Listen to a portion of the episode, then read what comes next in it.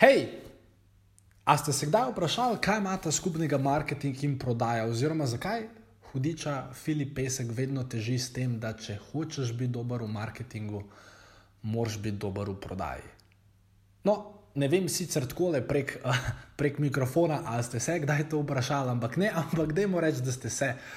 Oziroma, tudi če se niste, te dve stvari sta izjemno, izjemno povezani. In, uh, Enkrat sem za svojo uh, ekskluzivno mastermind skupino, to, torej to so ljudje, ki so mi plačali za celo leto vnaprej, uh, zato da imamo en mesečni webinar uh, in da mi lahko kadarkoli postavijo kjerkoli vprašanje. Torej, znotraj tega programa sem, mislim, da v mesecu oktobru leta 2018 uh, naredil en prav poseben webinar, ker so seveda oni v okviru tega programa plačali ogromno, uh, tako da gre se za plačljivo vsebino, kjer boste zvedeli noter ogromno uporabnih informacij. Ne vem sicer, zakaj vam zdaj to za ston dajem, očitno imam pač res red tole našo podcast skupnost.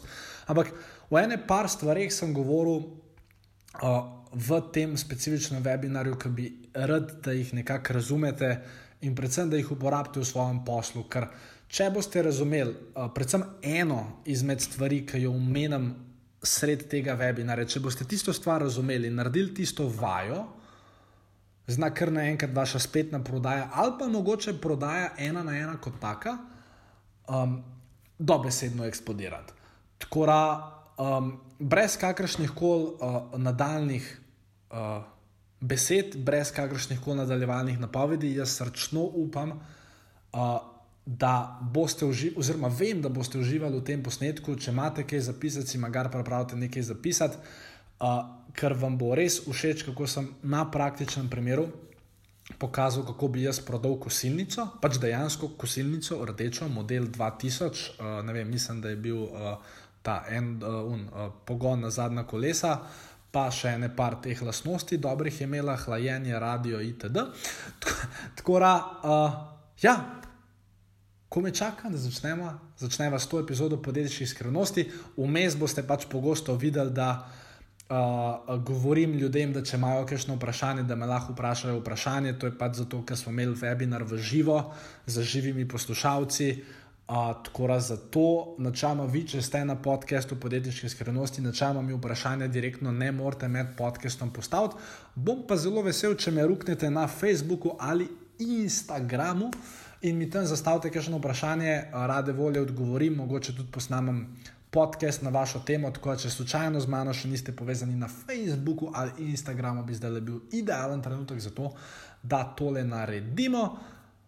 Če pa pač ne, pa ne. In gremo zdaj na uvodno špico in potem na samo vsebino, oziroma to, kako lahko s specifičnimi prodajnimi znani, kar naenkrat vaše podjetje naredi preboj, ki ga že dolgo časa iščete. Tako da, Miha, ne, nisi Miha, kaj se Jure. Mislim pač ti, ki si v prvi, aha, imaš pol, aha, ima, ima Petra, to, aha, pa če damo, iz, aha, ok, dobro, režija.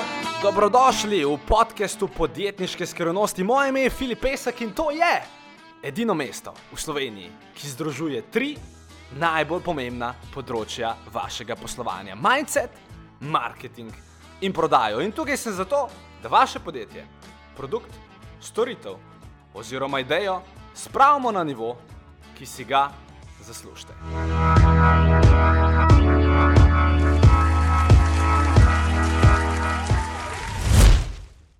Uh, dajte si za trenutek predstavljati, da bi mogel prodati kosilnico. Tako, vrtno, rdeče barve. Kosilnico. Kako bi se tega lotili? Torej, po kakšnih korakih bi šli? Uh, vem, da imate verjetno neko idejo, oziroma da ste jo zdaj vmes dobili. Uh, jaz vam bom pa nekako povedal svojo verzijo, kako sem si jaz uh, kronološko razporedil uh, vse korake uh, in verjamem, da je to um, vam prišlo zelo prav. Uh, vem, da večina izmed vas že nekaj prodaja. In tudi, če nekaj prodajate, lahko greste v bistvu z mano po teh točkah in preverite, če uh, ta vaša stvar, ki jo prodajate, ta vaš izdelek, storitev, uh, če ima te nastavke, uh, kot jih bo imela tale omenjena rdeča samohodna kosilnica letnik 2018 z samohodnim pogonom, seveda. Jan, en lep pozdrav tudi tebi, evo, we are international. Uh, tako da, kosilnica. Uh, ene par podatkov vam moram dati. Uh, to, da boste imeli uh, malo predstave, kakšen trg uh, je kosilnica. Oziroma, če gremo direktno po knjigi, uh, oziroma po strani 69 v knjigi, uh, Uh, Prej bi šel jaz prodajati to specifično kosilnico, bi se vprašal tri stvari. Uh, in sicer prva stvar, ali, obsta ali obstajajo ljudje s problemom, ki ga moj izdelek rešuje. Torej, če moj izdelek kosilnica, ali obstajajo ljudje, ki uh, pač rabijo imeti pokošeno travo, in odgovor je da. Drugo vprašanje bi bilo, ali lahko te ljudi dosežeš s pomočjo glasnih sporočil. Uh, Uh, Facebook, malenkost teže se da. Uh, na Google, če bi šli delati raziskavo, tako kot sem šel danes, jaz pred našim klicem, bi ugotovil, da v bistvu besedo kosilnica, besedno zvezo vrtna kosilnica Google 720 ljudi na mesec. Uh, 900 ljudi išče besedo kosilnica in nekako, če bi razširili ključne besede, mislim, da bi lahko prišli nekako do 5000 iskanj na mesec, kar je za slovenski trg že zelo lepa številka. Kar bi tudi ugotovili, je, da se večino kosilnic išče v aprilu in maju. Torej, Google vam bi izrisal graf, če imate seveda Google AdWords inštaliran, da je večino iskanj v mesecu aprilu in maju. Torej, če jaz uklopim svojo prodajno glavo, vem, da bo večina kosilnic prodanih aprila, maja, pa mogoče potem še junija, pa potem nekako do oktobra, po zimi jih pa skoraj nihče ne kupuje. Vsaj glede na trenutno statistiko, ki jo boš tam, živijo. Lep pozdrav tudi tebi. Um, in uh, ja, to je glede kosilnic.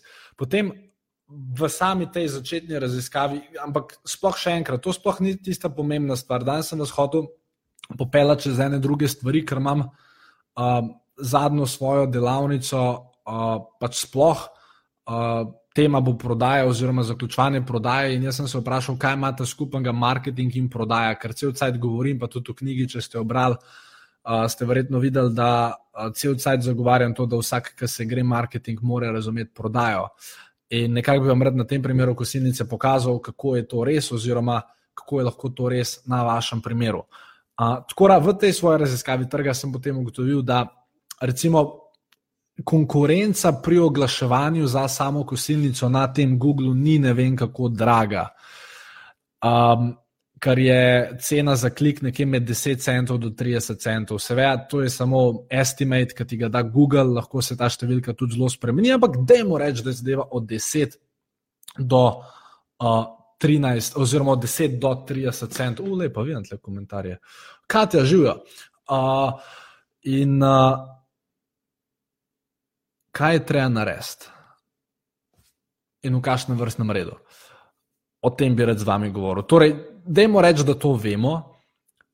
Torej, vemo, da uh, trg obstaja, vemo, da, oziroma vemo, da obstaja problem, vemo, da naš zdaj problem rešuje, vemo, da lahko dosežemo te ljudi preko glasnih sporočil. In tretja stvar, uh, ali je ta specifičen trg fanatičen glede reševanja tega problema? Ja, dejansko obstajajo ljudje, ki tekmujejo s sosedom, kdo bo imel lepšo pokošeno travo. Tako da ta trg je definitivno fanatičen, wow, fanatičen na um, glede tega, uh, koliko lepo travo uh, bodo imeli. In če to vemo, kaj je treba narediti. Torej, definitivno prva stvar.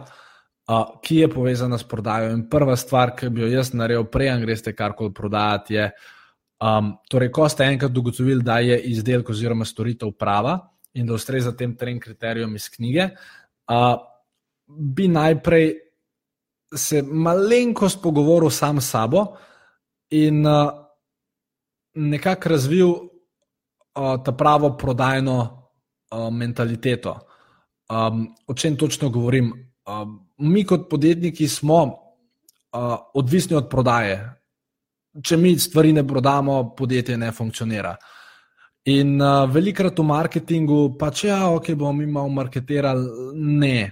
Cilj vsega skupaj je, da se zadeva proda. In tukaj uh, morate res uviti svojo glavo okrog tega koncepta, uh, da, pač, da je namen celega vašega marketinga ta, da pač pretegnete ljudi in, in jim potem stvar tudi prodate. Ni namen vašega marketinga, da zabavate ljudi, ni namen vašega marketinga. Mislim, je, seveda je, ker ljudi mora zabavati, ljudi moraš izobraževati, ampak na koncu dneva jim mora stvar prodati. Kora prva stvar, ki bi jo jaz razčistil sam sabo, je to, da je prodaja pomembna in se res fokusiral na to, da potem a, a, ta svoj rezultat prodajnika, ki ga imate, a, ujamete. Druga stvar, ki bi jo naredil, je to, da bi prodal sam sebe.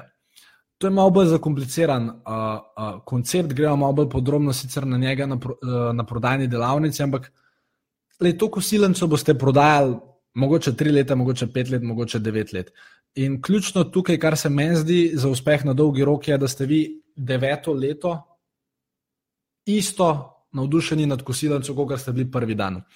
Ker večino časa, večino podjetij izgubi tisto začetno Eh, iskrico, tisto, začeten, tisto, tisto začetno navdušenje nad samim produktom, storitvijo, in tega si ne smete pustiti, ker ko se enkrat to zgodi, začne prodaja uh, uh, padati, zato ker niste več uh, pravilno užičeni, ne oddajate več pravilne energije in to se uh, pozna tudi v vašem marketingu in tudi v, vašem, uh, in tudi v vaših marketinških sporočilih in v, in v vsem, kar delate. Tako da, Prva stvar, dojamte, da je vse odvisno od prodaje, druga stvar, prodajte sami sebe na tem, da je izdelek dober. Ker ko boste enkrat sami sebe prodali, verjamete meni, da boste znali pisati dobro prodajno sporočilo. Oziroma, da če boste dobili e-mail od osebe, hej, to je pa predrago, da mu novte nazaj napisali, ja, imate v bistvu res prav, moramo ceno spustiti. Ampak da mu boste nazaj napisali, ja, res je drago, imate prav, gospod, in naj vam povem, zakaj je drago, in naj vam povem, zakaj boste to zdaj kupili. Tako da to sta prve dve stvari, ki jih velikrat ljudi, ljudje, ki se lotijo marketinga ali pa spletnega oglaševanja ali pa neke spletne trgovine, sploh ne razmišljajo o teh dveh stvarih, čeprav sta daleč najbolj pomembni. Potem tretja stvar, ki jo morate razumeti um, kot, oziroma v marketingu, ki je vezana na prodajo, je to, da morate razumeti ceno. Uh, s tem, kar rečem, da morate razumeti ceno, bom razložil še enkrat koncept. Uh, upam, da boste, upam, da boste razumeli, kaj vam hočem nekako sporočiti. In sicer, um, uh, jasno, živijo, zdaj enka živijo, ne, ja, živijo. Uh, in ko rečem, razumi ceno, uh, s tem ciljam na to, da, da enostavno dojamete, da skoraj nihče ne bo kupil produkta zgolj in samo zaradi cene. Oziroma, teh ljudi, ki se jih bojite, tako imenovanih price shopperjev, je 10%. Ok, v enih panogah jih je več, v enih jih je manj, ampak nikoli pa ni ta procent nad 20%. In recimo zadnjič, eh, oziroma v četrtek, ki sem predaval na eh, konferenci Digibox, je bil zadnji izmed govorcev Aljoša Domjan, eh, čez spletno trgovino 1A. In on je hotel, on v bistvu tam naredil cel case o tem, kako je edina pomembna stvar cena. Res je, če si pač portal 1A, ki tekmuje za mimo vrste, pa ne vem, ceneje, pika si, pa ne vem, skon še vse. Uh, pa ki prodajate take izdelke, ki jih prodajajo oni, torej, ki pač on prodaja zimske gume Sava, pa ki on prodaja zimske gume Sava, pa ki on prodaja zimske gume Sava, v redu. V takem primeru je res več ali manj, uh, oziroma je pač potem eden izmed bolj ključnih faktorjev cena. Ampak jaz predvidevam, da vi prodajate nekaj, kar lahko argumentirate, da je drugače. Um, in, in srčno upam, da prodajate nekaj, kar lahko argumentirate, da je drugače, ker drugače ste, drugače na dolgi rok ne bo šla zadeva v pravo smer. Uh, tako da, dajte res razumeti, no, da nikoli ne bo problem cena oziroma v večini primerov ne bo problem cena in naj, ne bo, naj vam ne bo težko biti že od starta dražji. Uh, in posebej pri tej kosilnici, ki govorimo o tem, če bi šel jaz prodajati kosilnico, ker vam bom dejansko cel primer zrisal, tako da ga boste razumeli. Če bi šel jaz prodajati kosilnico, bi se zmenil z nekim dobaviteljem, ki prodaja cenovno najdražje kosilnice, oziroma ene izmed dražjih. Torej, vzel bi vrtno kosilnico, ki bi bila nekje med 450 in 700 evrov.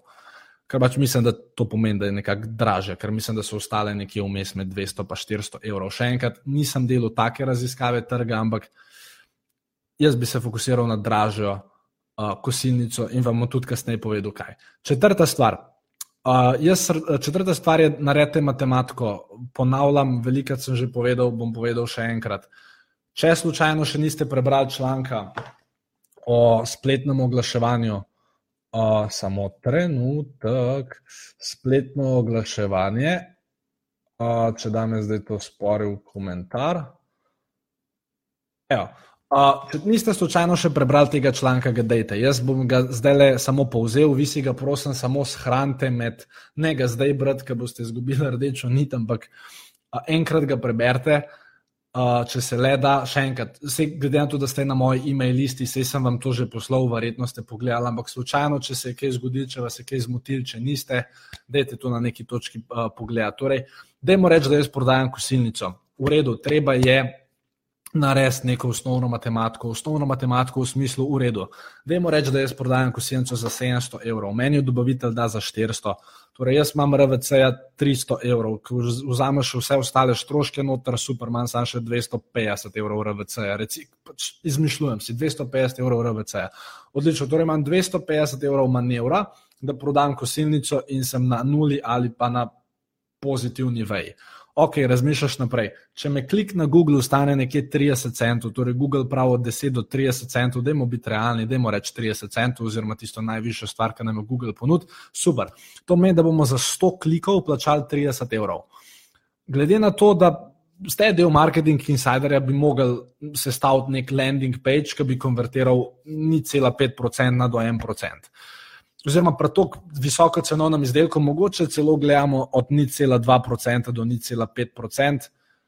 Čeprav jaz bi kar ciljal na 1%. Torej, realno lahko vi z oglaševalskim budžetom uh, 30 evrov prodate eno kosilnico. To pomeni, da v bistvu še prej ste prodali prvi produkt, imate že, ne vem, torej, če je bilo 220 evrov manevrskega prostora, imate 190 evrov, uh, pač približno profita, s tem, da dobili ste stranko, ki jih lahko potem naprej prodajate še druge stvari. Ker upam, da če prodajate gosilnice, imate zadaj pa še ogromno nekih cross-sellov, pa up-sellov, pa down-sellov, ki jih lahko tej stranki uh, ponudite. Tako da uh, naredite matematiko, res naredite. Torej, ko enkrat usvojite prodajno mentaliteto, ko enkrat prodate sebe, ko enkrat razumete ceno, dajte narediti to matematiko. Cel postopek imate v članku od spletnega oglaševanja razložen. Torej, uh, če kdo slučajno to posluša, filipesek.com, pošiljnica spletno minus oglasevanje. Imate tam vse stvari napisane. Potem peta stvar. Razmišljajte kot kupec. To smo letos ogromno stvari že delali, je pa tudi zelo povezan z, z samo prodajo. Ker ta šesta stvar, ki vam jo bom povedal, je pa do zdaj še nikoli nisem omenil in tudi če me spremljate že res dolg časa, je še niste slišali. Tako da Peta stvar je, seveda, razmišljaj kot, kot kupec. Torej, delali smo že na tem, idealna stranka, postavite se v njeno vlogo, razmišljajte, kaj ona razmišlja, razmišljajte, kaj njo skrbi, ugotovite, kaj je njen problem, ugotovite, kaj so njene želje, ugotovite, kaj je njen tisti motiv, zakaj bi sploh nekdo šel googlati besedo kosilnica. Zdaj, seveda, pr prva razlaga je zato, ker je una stara, dobro, urejo druga razlaga, mogoče zato, ker se je preselil pa prej ni imel vrta, pa zdaj ima vrst. In da če je to tak kupec, pol bo to čist prodajni, drugačen prodajni nagovor, ki je bil prej, oziroma čist drugačen tekst.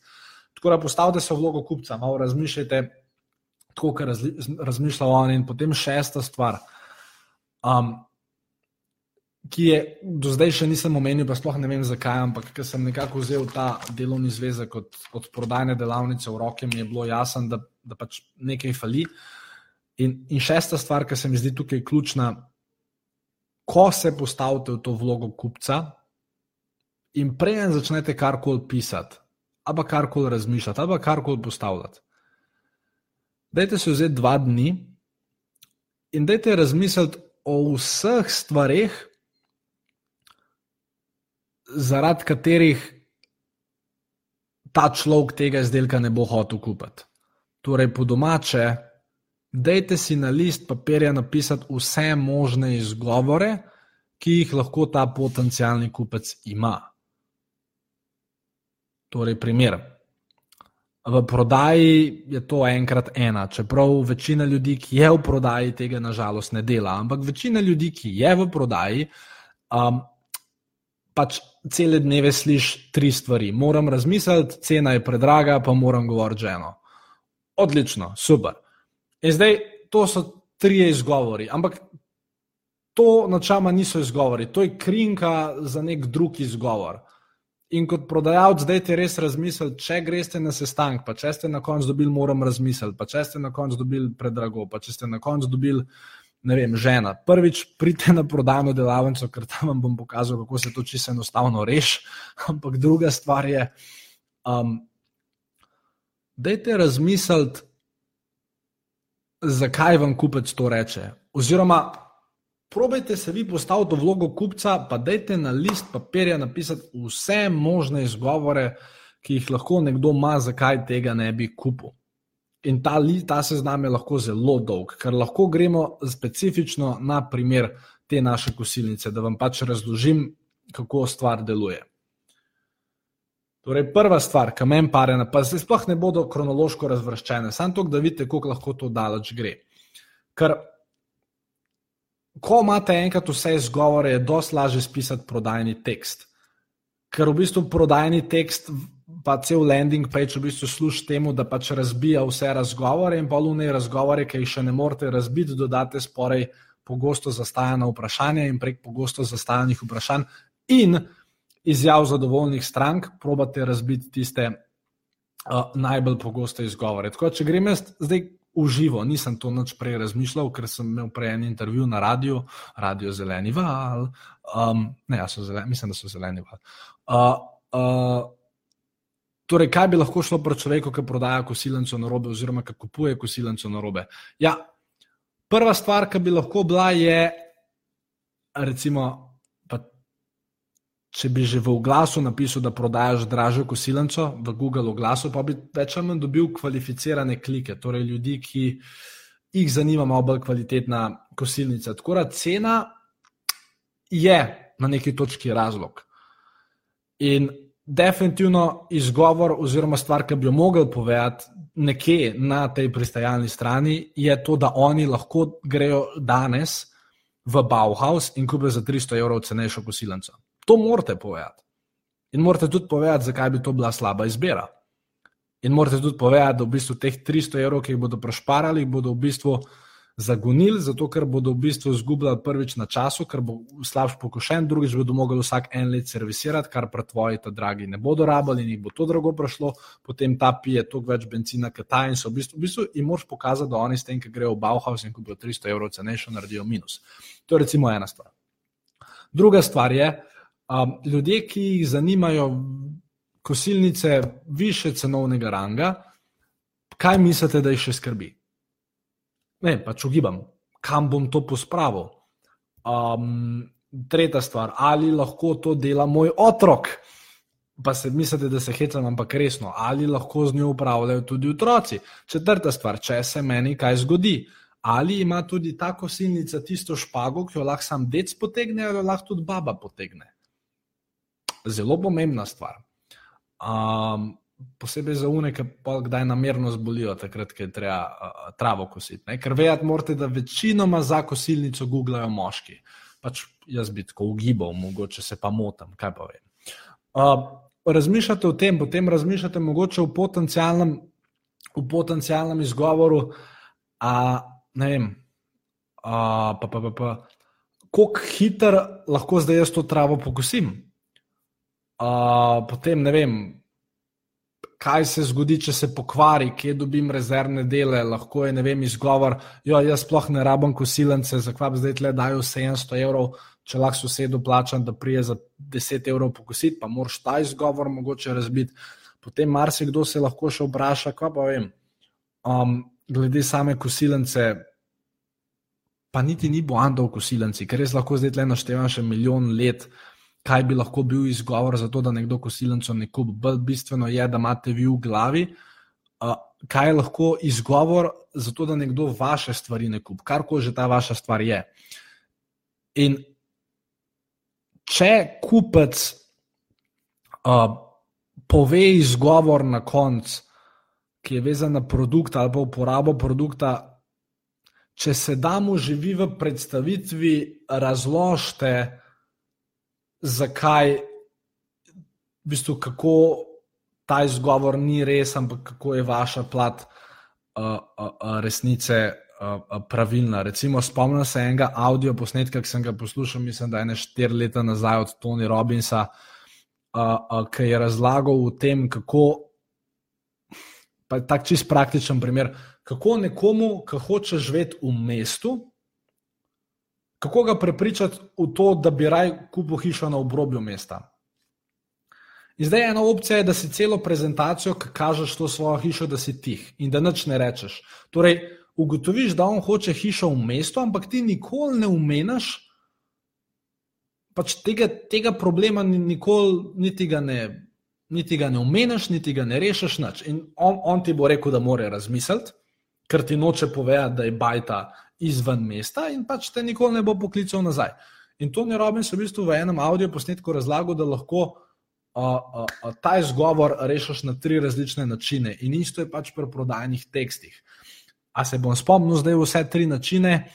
Uh, verjetno ne. Lahko pa probam, pa bom šel na kom pogledati svoje zapiske, ker mislim, da bom tole zelo hiter, a sem še tle, ker mislim, da bom tole zelo hiter najdu, samo to ni Robins. Uh, Uh, ni, uh, ni, nisem vedel, da bom zaplaval v tele, uh, v tele stvari. Torej, to je bil Tony Robbins, uh, Power to Influence, se reče programu.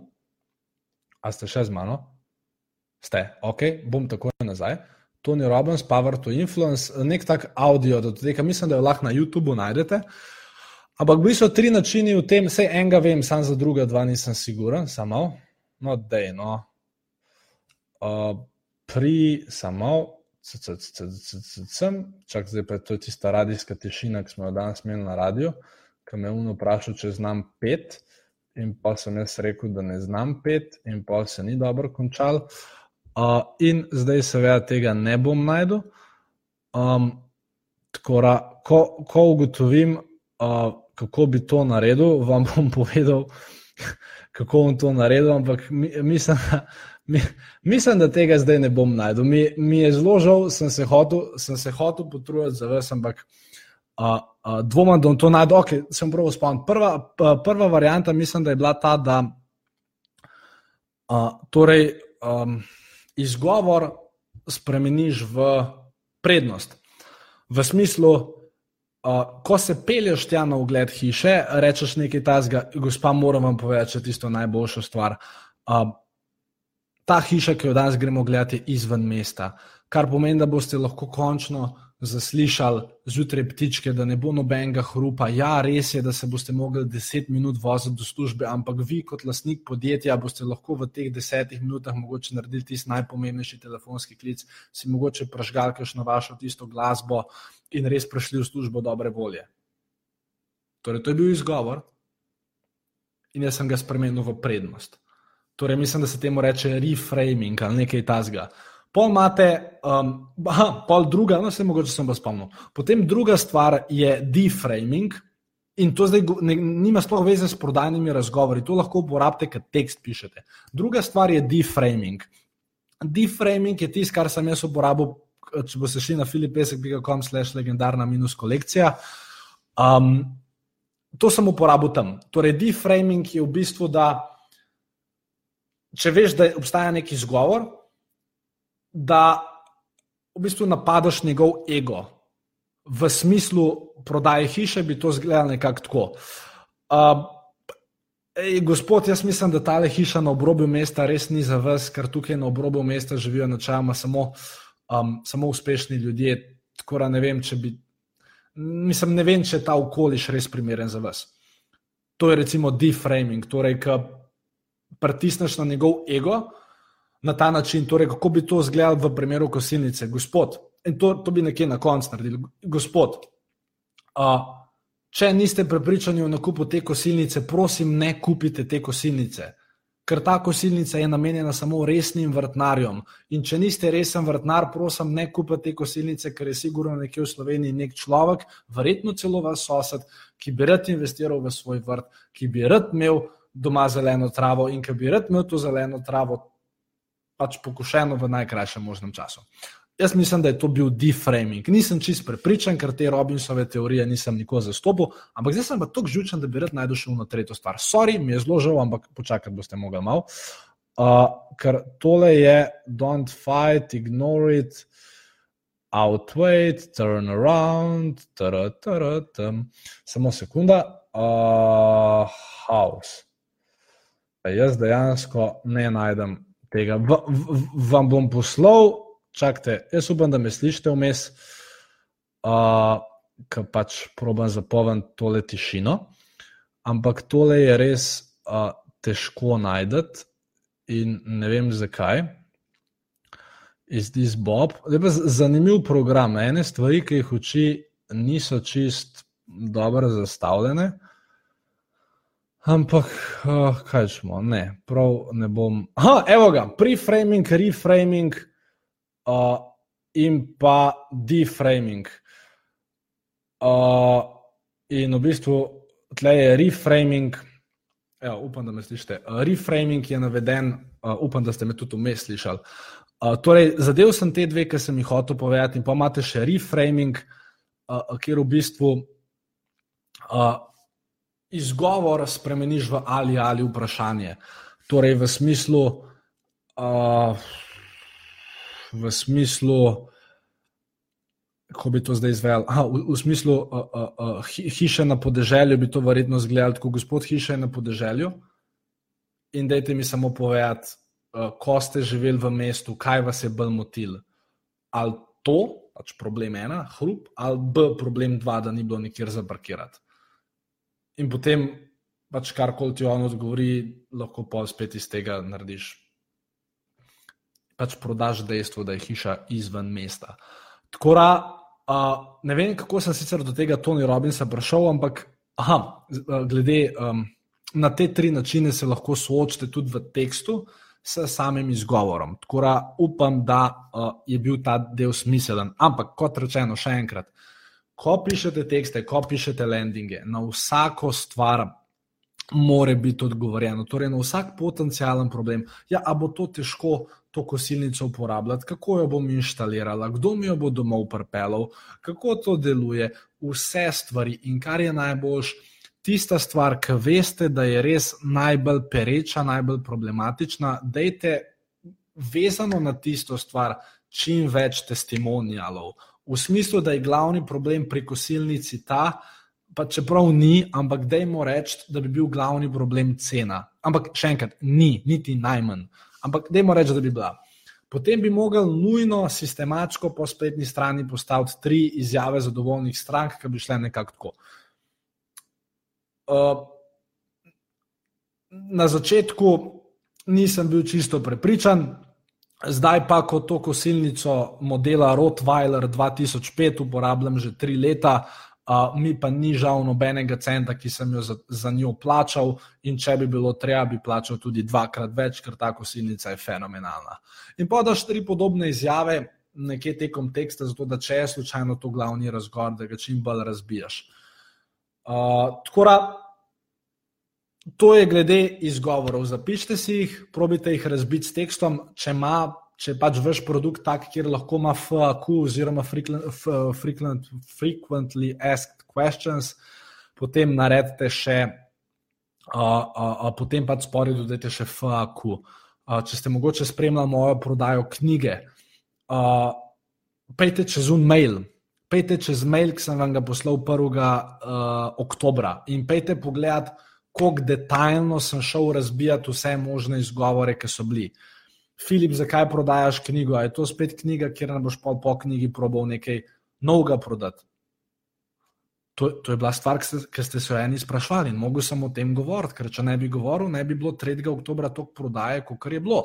Potem druga stvar, Filip, zakaj je na voljo samo vem, 600, mislim, 75, 669, ne, kva sem rekel, 697 knjig mislim, da je bila ne, ne, ja, 679 knjig, zakaj je na voljo samo 679 knjig, ali je to kašna fora.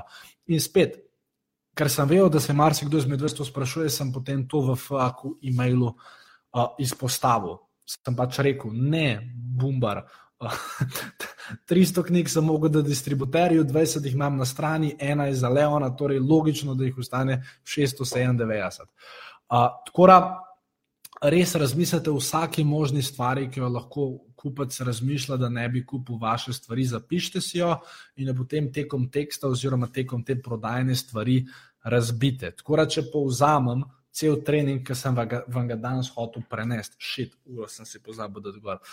Prva stvar. Pejte na stran 69 v knjigi in pogledajte, če vaš produkt, izdelek, storitev ustrezata standardom, pač standardom tega, da se bo izdelek dobro prodajal. Potem, prej sploh karkoli začnete prodajati, dajte naravnati svojo glavo na to, da je to, kar prodajate, dober in da je prav, da tega veliko prodate. Potem tretja stvar, dajte razumeti, da cena nikoli ni ključen razlog. Četrta stvar, res dobro naredite številke, se ni tako težko koliko me stane klik, kakšna je konverzija landinga, koliko bo procent nakupov, koliko je procent upsellov, kakšen procent ima retargeting oglaševanje in tako naprej, uh, kakšen je prodajni cikl itd. To je treba naštudirati. Peta stvar, razmišljate kot stranka in šesta stvar, razmišljate o vseh možnih izgovorih, ki jih ta stranka lahko ima, zapišite jih in jih prek teksta probejte um, razbiti. Uh, Hvala, Denis, 689, pardon. Uh, isto golaš, izgovor v prednost, to jaz skozi doma uporabljam. Uh, ja, draga, lej, ti, lej, jaz te čisto razumem, da bi ti rada, da jaz smeti odnesem dol. Ampak, a veš, s tem, oziroma ne, ampak, ampak ni v redu, ker za tiste, ki niste bili na prodajni delavnici, beseda ampak izpodbije prejšnji del stavka. Tako da ne smete reči ampak, gremo še enkrat. Draga, ej, jaz vem, da nisem smeti odnesel in naj ti povem, zakaj je to najbolj čudovita stvar, ki jo je kdorkoli zate naredil. Poglej, s tem, kam imamo mi dva smeti v stanovanju. Um, se sprošča amonijak, ki je neverjetno zdravilen za telo, za dušo, za krčne žile, za revmo, whatever, nakladam, ampak you get the point. Isto, upam, da nosa smeti ven. Tako da, to je ta stvar potem pa peta, oziroma kar se tiče zdaj tega, kako je povezan marketing s prodajo. Zelo pomembno je to, in zato je res pomembno, da prodate sami sebe na svojem izdelku. Zato, ker 99% ljudi ne bo kupil. In potem boste vi naštemali retargeting v glas.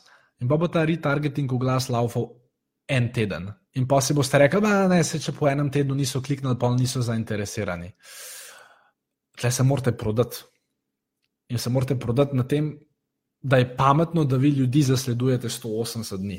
Oziroma, kako koli vam pač Google Pixel, oziroma ne, Facebook Pixel, oziroma tisti Google Tracking zadeva omogoča. Tako da, um, zato je pomembno, da se prodate, ker potem. V fazi follow-upa vam bo sigurno kdo rekel, da pošiljate preveč mailov, da ste idiot, da ga prosim, nehajte zasledovati s temi vašimi oglasi itd. Tako da zato morate biti prodajni. In potem šesta stvar, um, fajn je, da imate to prodajno mentaliteto vse. Zato, ker ko on nekaj kupi, je prva naša reakcija, super, smo nekaj prodali. Ne, zdaj je človek nekaj kupil. Če imate dobre izdelke, če imate dobre storitve, vaša dožnost je, da temu človeku prodate še kaj. Ker ne boste verjeli, ljudje so zelo veseli, če jim prodate nekaj, kar bo rešil njihov problem. To zdaj ne pomeni, da jim prodate prodati nekaj na silo, ampak pač in pa vsaj ponudite, ker če ne ponudiš nečesa, če ženske ne zaprosiš za roko, ne more reči ja. Pač lepš tega ne znam povedati.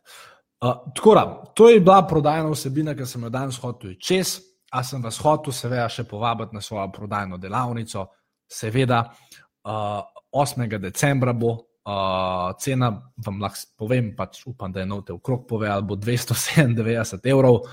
Um, dobili boste mail, uh, ko boste dobili mail, jaz predvidevam, da bo zadeva v 4 urah razprodana. Tako da, če mislite, prijeti, pridite. Uh, vem, da je kar nekaj insider članov že bilo tam, uh, več ali manj vsi veseli, zadovoljni, lahko tudi njihove izjave preberete na internetu. Skratka, super zadeva. Uh, in moj namen na tej delavnici je pač, da vas naučim, oziroma ta delavnica je primerna, le zdaj delam pa deframing. Ta delavnica je načela ni primerna za vse, ampak je primerna samo za tiste, ki delate sestanke ena na ena oziroma je primerna tudi za tiste, ki pač bi radi razumeli bolj ta, to prodajno mentaliteto in jo potem uporabljali v marketingu. Če pa tem dvema pogojama ne ustrezate, potem pa delavnica ni za vas. A ste videli klasičen deframing ali, ali, ali kako se temu reče.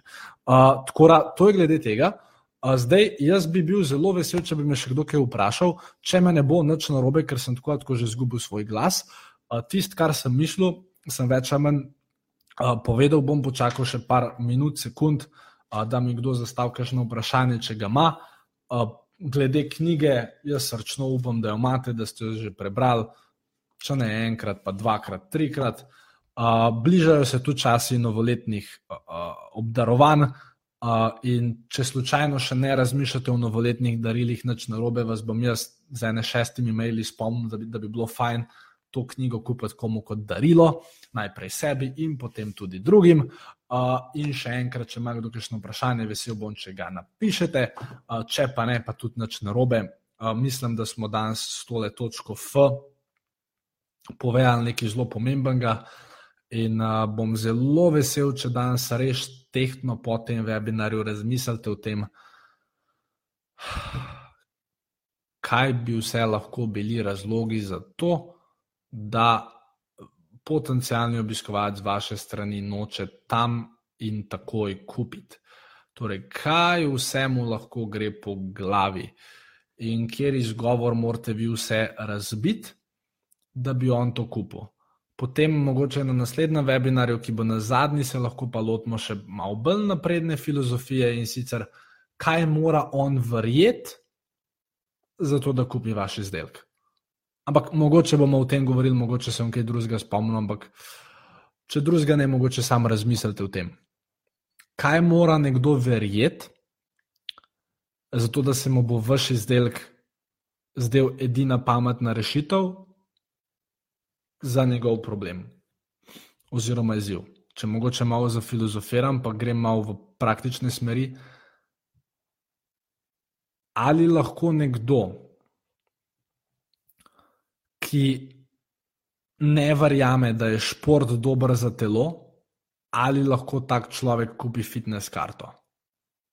Ne more, ker moraš najprej spremeniti njegovo prepričanje. Zdaj, kako boš to naredil na spletu, uh, je pa zgodba za kdaj drugič. Ampak, ja, mogoče, če vam tista prva stvar ni dala misel, pa upam, da vam bo dala ta stvar misel. Tako da, uh, uh, Jasna je napisala, da je danes videla uh, moj oglas za knjigo na YouTubu. Ja, YouTube oglasi nam delajo neke težave. Uh, zdaj, če boste hoteli, vam lahko naslednjič, sam, pač nima zdaj to toliko veze z vami, ker je res specifična stvar, ampak če boste kdaj hoteli, jaz vam lahko povem vse. Oziroma, v tem članku za spletno oglaševanje vam več ali manj povem vse o oglaševanju za knjigo. No, vam, insiderjem, lahko povem še marsikaj drugega. Ampak me morate res vprašati, no, ker to so pač neke poslovne tajne, ki nočem spet pač razlagati vseh stvari, vse veste, kako je to. Uh, tako da, ja, to za enkrat, jaz sem zelo vesel, da ste bili danes. Uh, uh, uh, ha, Denis je dal eno super vprašanje. Denis, Denisa sem zanč videl. Od lani, ne vem, ne, zrel zgledaš, Denis. Tako, pa, ne, pa ne, fizično mislim, da se nisi spremenil, ampak, ampak ful bolj zgledaš, kot si izgledal lani. Mislim, da je bil to kompliment, tako da super. Uh, torej, uh, uh, ja, ja, jasna je, da. Ok, Denis. Vprašanje tvoje je bilo, kaj je bila tvoja strategija za testimonijale knjige? Si jih poklical osebno, poslal mail in follow-up ali si imel kakšen osebni pristop? Ja, torej, testimonijal si za knjigo, uh, pač so bili podkupljeni. Ne, se se hecam, šalo na stran. Uh, je bilo pa tako, da sem prvič sem se vprašal, kdo je moja ciljna stranka. Je rekel sem, da so to podjetniki. Ampak to, to je zelo specifična stvar. Ampak rekel sem, da v to kategorijo podjetnikov spadajo vsi. Prvič, unike bi to radi bili, drugič, unike so glih začeli spadajo tudi tu neke malo milijonska podjetja, spadajo tudi ljudje, ne vem, um, ne vem blogeri, spadajo ljudje iz MLM, oziroma mrežnega marketinga, spadajo mizari, spada Tanja Skaza, spada UN, spadajo maseri, spadajo. Skratka, vprašal sem se, kdo je od mene že kaj kupil, kdo načama zaupa meni, zaupa mojim materialom in uh, kdo pač, če bi mu jaz poslal knjigo, kdo bi jo prebral. Ker meni je bilo vse en, jaz sem vedel, da če bo nekdo prebral to knjigo, da bi mu dal dober feedback. Ker pač knjiga je dobra, je, je bi ga. Pač od, od 20 ljudi enemu mogoče ni všeč, ampak to je verjetno unmo, ki ga stvar v prvem poglavju rezezi. Pač ponovadi unim ljudem ni všeč, vsem ostalim je kul. Cool. In uh, torej te ljudi sem, Denis, če boš imel mogoče predstavo. Uh, veš kaj, je, pardon, težava je bila, ker smo mogli zrihtati dizajn. In mogel sem knjigo lektorirati. Torej, ta knjiga je mogla biti lektorirana že 15. augusta, ker res ne bi bilo dobro, da bi jaz stani skazi poslal totalno nelektorirano knjigo, ki bi rekla, hej, čak malo, kaj je zdaj to. Um, uh, tako, tako da, um, ja, jaz sem si naredil seznam. Uh, te ljudi sem kontaktiral v začetku avgusta. Rekl sem jim, hej, a si lahko prosim na koledarju označiš obdobje med 20. augustom in 5. septembrom, ker boš 20. augusta domov dobil knjigo, rad bi, da jo v enem tednu prebereš in potem bi rad, da mi javiš svoj feedback. Uh, in vsakmu sem napisal, kje mi naj javi svoj feedback. Torej, polovici ljudi sem napisal, pošljite mi mail nazaj, uh, trem ljudem sem napisal, pošljite mi nazaj video. Uh, jasni sem napisal, uh, če mi lahko sporoči na Facebook Messengerju, pa Kristjanu, pa Kristjanu, pa mislim, da smo imeli še Aljoši, pa Mariji, sem rekel, da mi naj napišete SMS. Zato, ker sem hotel, da ta isti testimonial wall uh, izpade čim bolj kredibilno, ker dejstvo je, da če daš v Wordu pretipkate izjave drugih, pa date sliko zraven, to več ali manj vsak pa si misli, da je bullshit. Če pa nekdo vidi screenshote, e-mailov, SMS-ov, video posnetke, pa zdaj pa dosti hitreje postane bolj kredibilna. Pa smo imeli pa um, nekoga, ki je bil zelo priden zadnji, ki je potem vse tiste puščice naredil, pa obkrožil, pa počrtal, pa se jim je ho, skoraj hotel ubiti, ker je mogel to s tem delati. Ampak to je že debata kdaj drugič. Tako da jaz sem načama vse testimonije se dubo pet, do 15. septembra, tako kot sem si zamislil. Potem smo v, pač sestavili ta testimonial wall, zdaj sales letter je bil narejen že 1. septembra, se mi zdi in potem se je pač e-mail serija spisala, in potem 3. oktober je to šlo v prodajo. Um, zdaj, follow-up pri teh testimonijah jih ni bilo treba narediti, Denis, uh, ker pač vsak, ki je knjigo začel brati, jo je prebral v enem dnevu ali pa v dveh dneh, ker ga je not potegnila. Pa tudi lej, več ali manj to so bili ljudje, ki so od mene že nekaj kupili. Torej so se dejansko veselili in pričakovali to knjigo. Zdaj, če bi jo poslal kar enim random ljudem, ne vem, kašen, kako bi to izgledalo, ampak uh, Ja, poslal sem o mojim že obstoječim strankam, ampak še enkrat, ni pa nobeno mnenje prirejeno, pač vsa mnenja so pristna. To, kar so napisali, jaz nisem nič brisal. Pač tako sem pustil, tudi nobenemu nisem rekel, mi lahko še enkrat napišeš. Pač to, kar so napisali, smo dal gor. Nisem čist nič spremenjal. Edin, ki sem kakšno stvar uh, zablural, zato ker pač uh, mi je kdo pa še kaj osebnega napisal, kar ne bi bilo glih kul, cool, da, da je tam. Uh, tako da upam, da to odgovori na vprašanje. Uh, tako da to je bil Andrej, živijo, Juri, živijo. Uh, tako da te testimonije ja, so bili kar projekt, no, za uh, uh, kar projekt. Ampak pač se splača. Mislim, se splača. Pač jaz vem, da zaradi tega landing page konvertira tako, kot konvertira, oziroma pač ima dober prodajni efekt. Tako da, to za enkrat, uh, hvala vsem, ki ste bili danes z mano. Uh, Evo, Denis je napisal, kul. Cool. Jasno, poglej v video, ki sem ga, na, ki sem ga imel na Digiboxu, torej dan sem poslal e-mail, ti zna zelo prav prijeti za tisto težavo, ki jo opisuješ. Tako da to je to, mi se vidimo zadnjič, eh, če se ne motim, 4. decembra, oziroma mislim, da se ne motim, samo sekundo. Tako je, ja, 4. decembra, mislim, da sem napisal 19 nič nič in mislim, da bo to tudi držal. Če ima kdo vmes kakšno težavo, problem izziv, naj mi piše, naj mi riše. Uh, in uh, to je to, potem se s tistim decembrskim uh, uh, končuje letošnji insider in ko me čakam, da vas takrat vidim in da še kajšno rečemo. Tako lepo se imejte, hvala za vašo pozornost in čau.